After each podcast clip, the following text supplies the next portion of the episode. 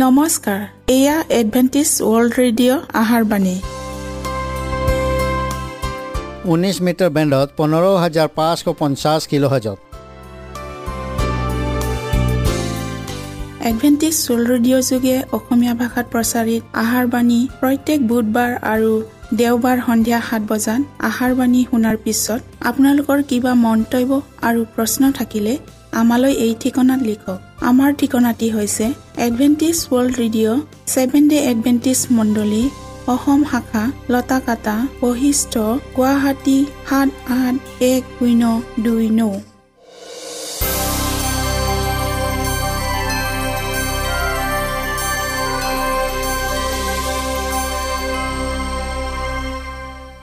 প্ৰিয় শ্ৰোতা বন্ধুসকল এতিয়া শুনো আহক এটি খ্ৰীষ্টীয় ধৰ্মীয় গীত।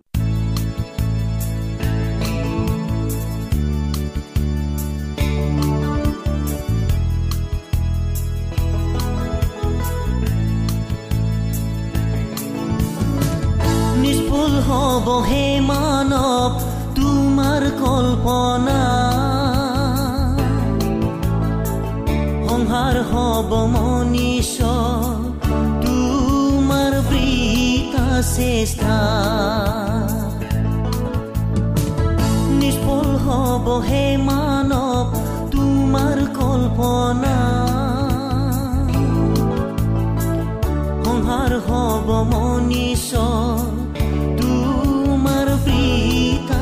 চেষ্টা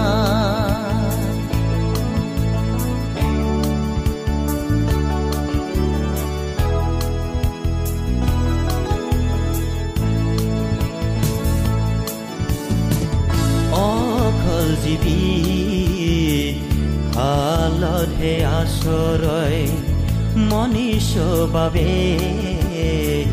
ধৰণী এতিয়া আছে এতিয়া জিনা মনীষ জাতি জীৱন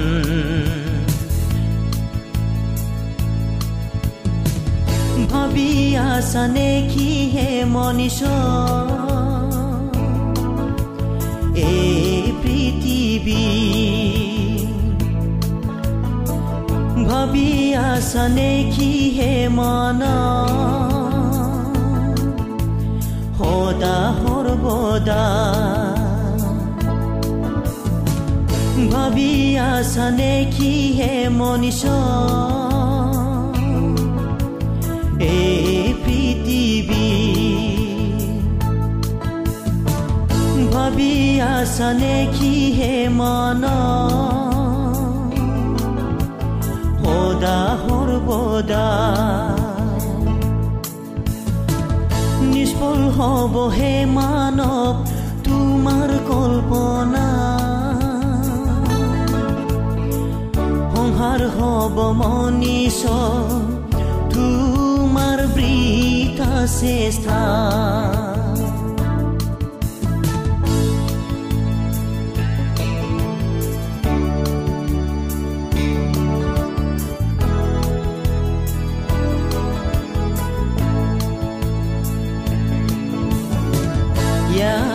নহয়।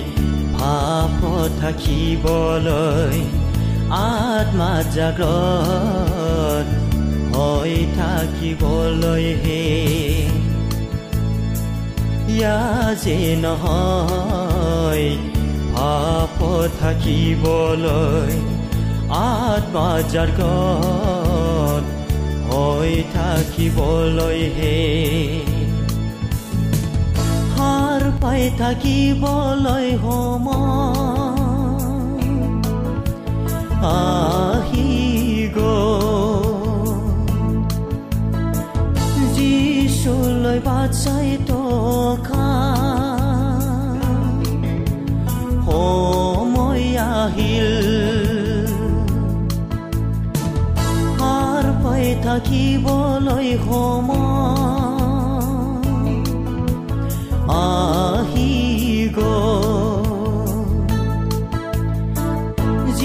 Iisusului bacai toka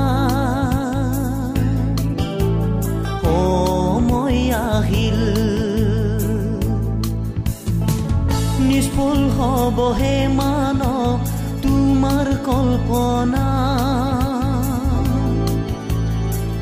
সংহার হব মনীষ, তোমার বৃথা চেষ্টা নিষ্ফুল হ'ব হে মানৱ তোমাৰ কল্পনা। সংসাৰ হ'ব মনীষ তোমাৰ বৃথা চেষ্টা তোমাৰ বৃথা চেষ্টা তোমাৰ বৃথা চেষ্টা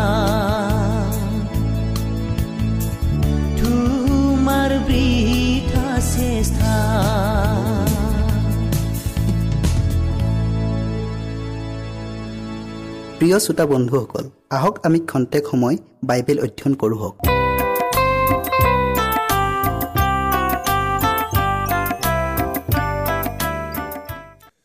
আজিৰ বিষয় হৈছে দুজন ভক্তৰ কাহিনী।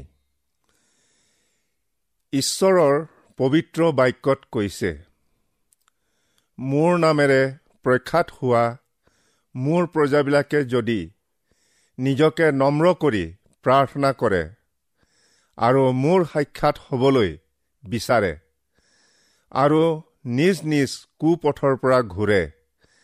তেন্তে মই স্বৰ্গৰ পৰা শুনি তেওঁবিলাকৰ পাপবোৰ ক্ষমা কৰিম। যীশুৱে দুজন ভক্ত মন্দিৰত প্ৰাৰ্থনা কৰাৰ দৃষ্টান্তেৰে কেনেকৈ ঈশ্বৰ উপাসনা কৰিব লাগে লোকসমূহক বুজাই দিছিল।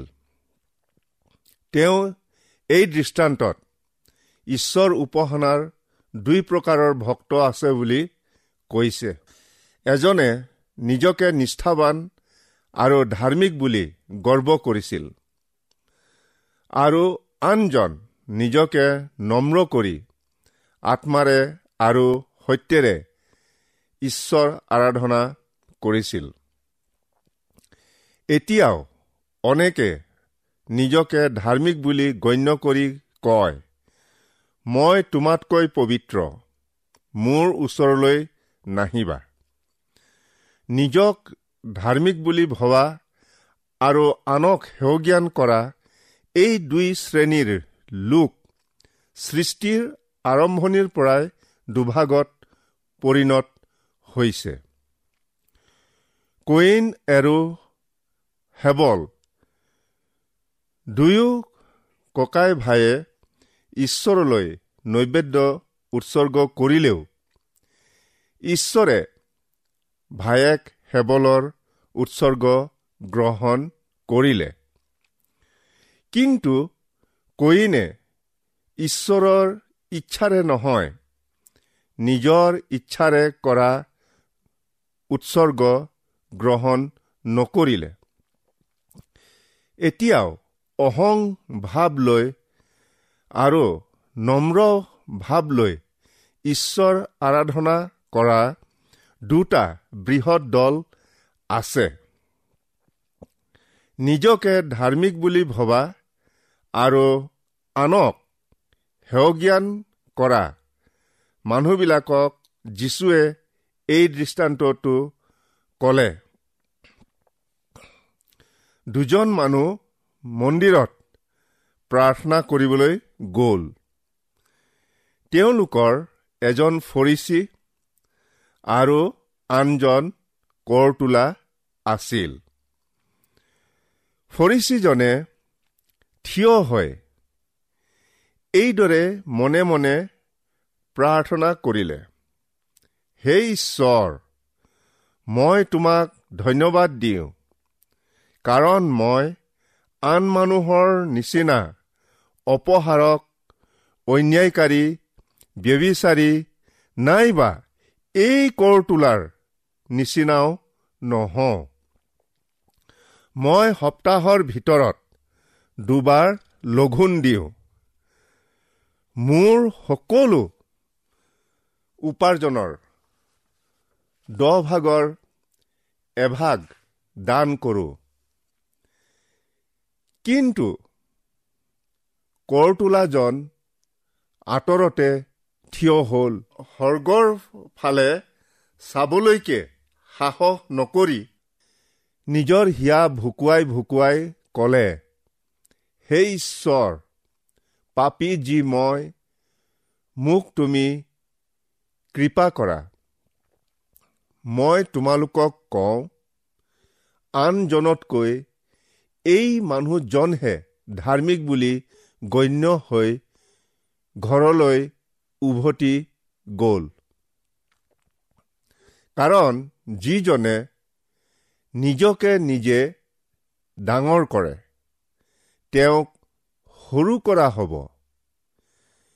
কিন্তু যিজনে নিজকে নিজে সৰু কৰে তেওঁক ডাঙৰ কৰা হ'ব।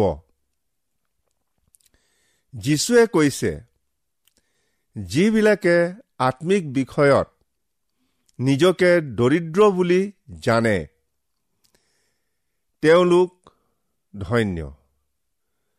কাৰণ স্বৰ্গৰাজ্য তেওঁবিলাকৰ। যীশুৰ শিষ্য এজন আত্মাভিমানী হোৱাৰ কাৰণেই পতন হৈছিল। কিন্তু যীশুৱে সেই শিষ্যজনৰ বিশ্বাস দৃঢ় হ'বলৈ প্ৰাৰ্থনা কৰিলে। তোমাৰ বিশ্বাস যেন লোপ নাপায় তাৰ বাবে মই তোমাৰ অৰ্থে প্ৰাৰ্থনা কৰিলোঁ। আমি আমাৰ অপৰাধবোৰৰ কাৰণে অনুতাপ কৰিবই লাগিব। কাৰণ শাস্ত্ৰই কৈছে তেতিয়া তোমালোকে তোমালোকৰ কু আচৰণ আৰু মন্দ কাৰ্যবোৰ সোঁৱৰণ কৰিবা। তোমালোকৰ অপৰাধ আৰু ঘীনলগীয়া কাৰ্যৰ নিমিত্তে তোমালোকে নিজৰ দৃষ্টিত নিজকেই ঘৃণাবা। কিন্তু যিজনে আমাক প্ৰেম কৰে আৰু নিজ তেজেৰে আমাৰ পাপৰ পৰা আমাক মুক্ত কৰিলে সেইজনত ভাৰসা ৰাখো হওক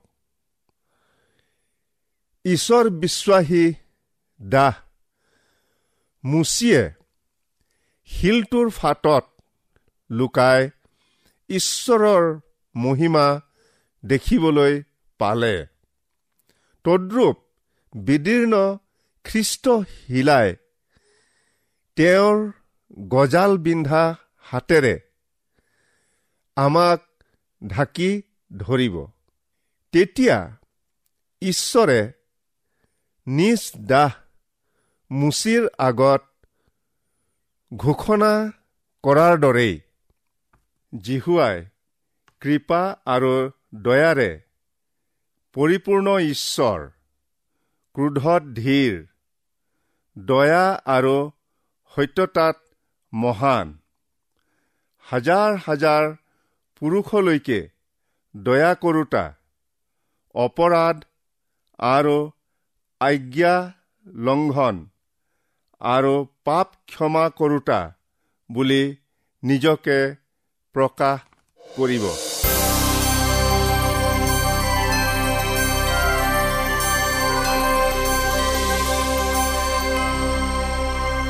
এতিয়া আমি ফৰিচীজনৰ প্ৰাৰ্থনালৈ মন কৰোঁ হওক।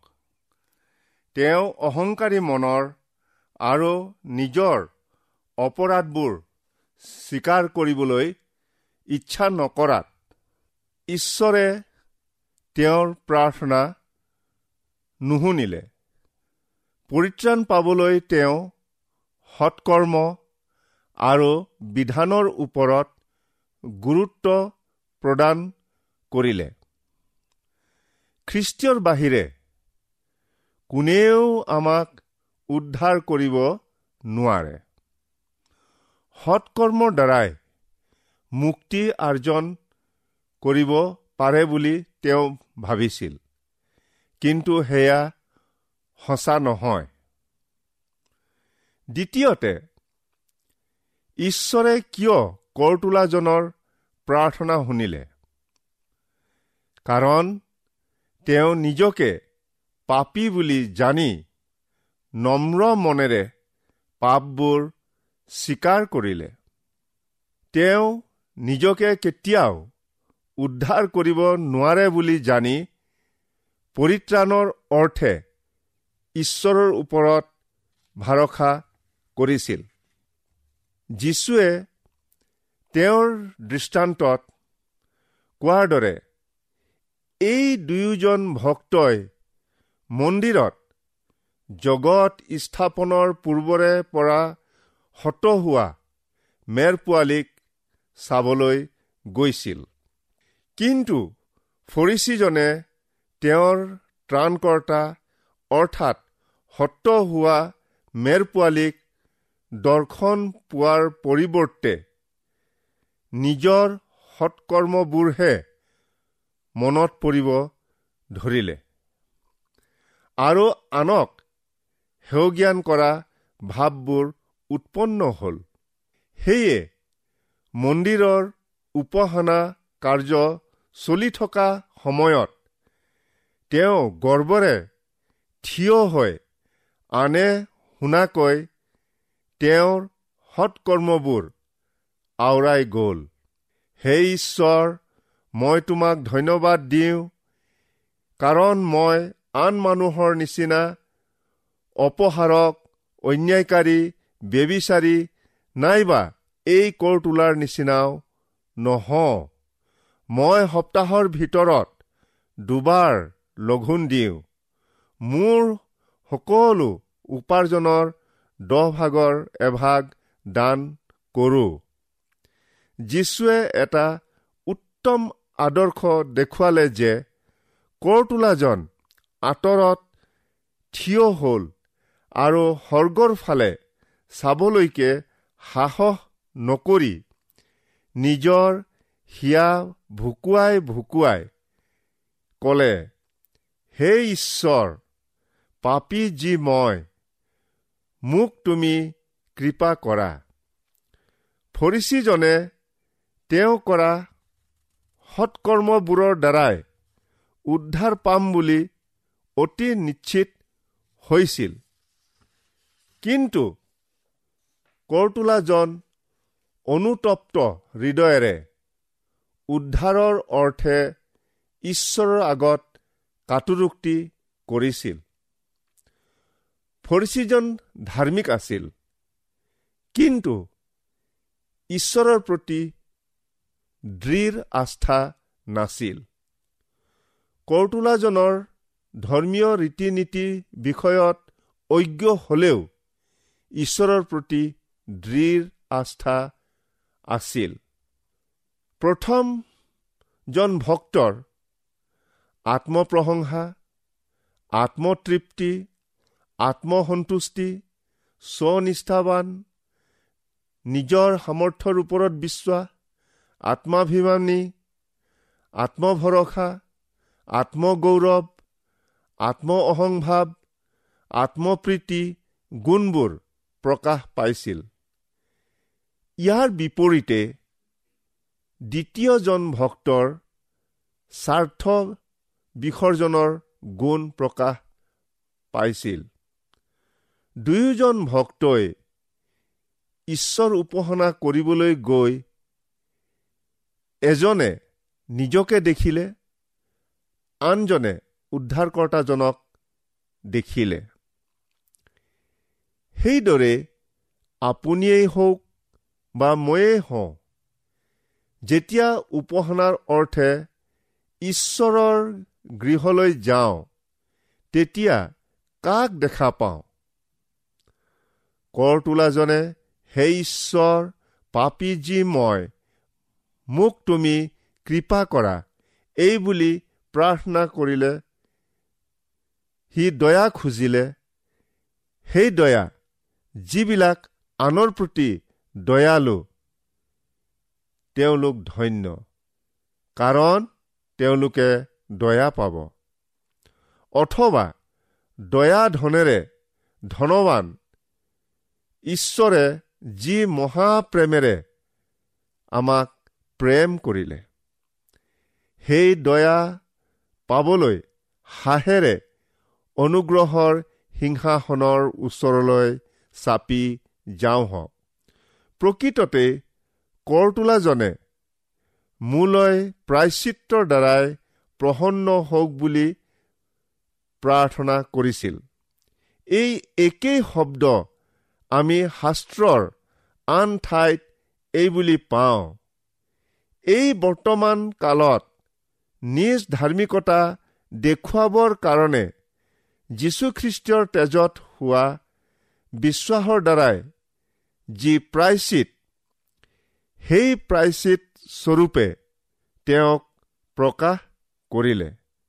চমুকৈ ক'বলৈ গ'লে খ্ৰীষ্টই আমাৰ পাপৰ প্ৰায়চিত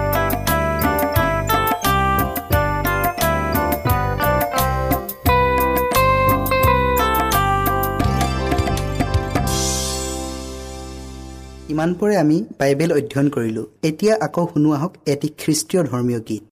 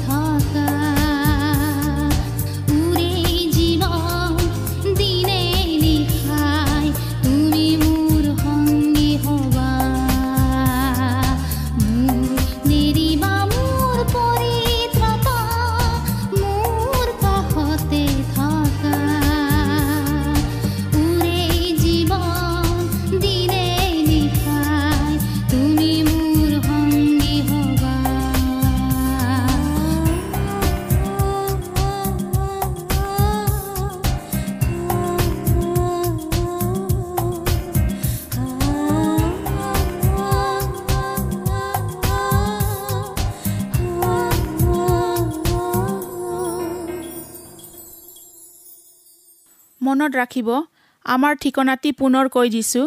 Adventist world radio' Assam region of seven day Adventist voice of hope Latakata Basistha Guwahati seven eight one zero' two nine প্ৰিয় শ্ৰোতা বন্ধুসকল এডভেণ্টিজ ৱৰ্ল্ড ৰেডিঅ' যোগে আহাৰবাণী প্ৰচাৰত আপোনালোকক পুনৰ লগ পোৱাৰ আহাৰে আজিলৈ সামৰিলোঁ। ধন্যবাদ।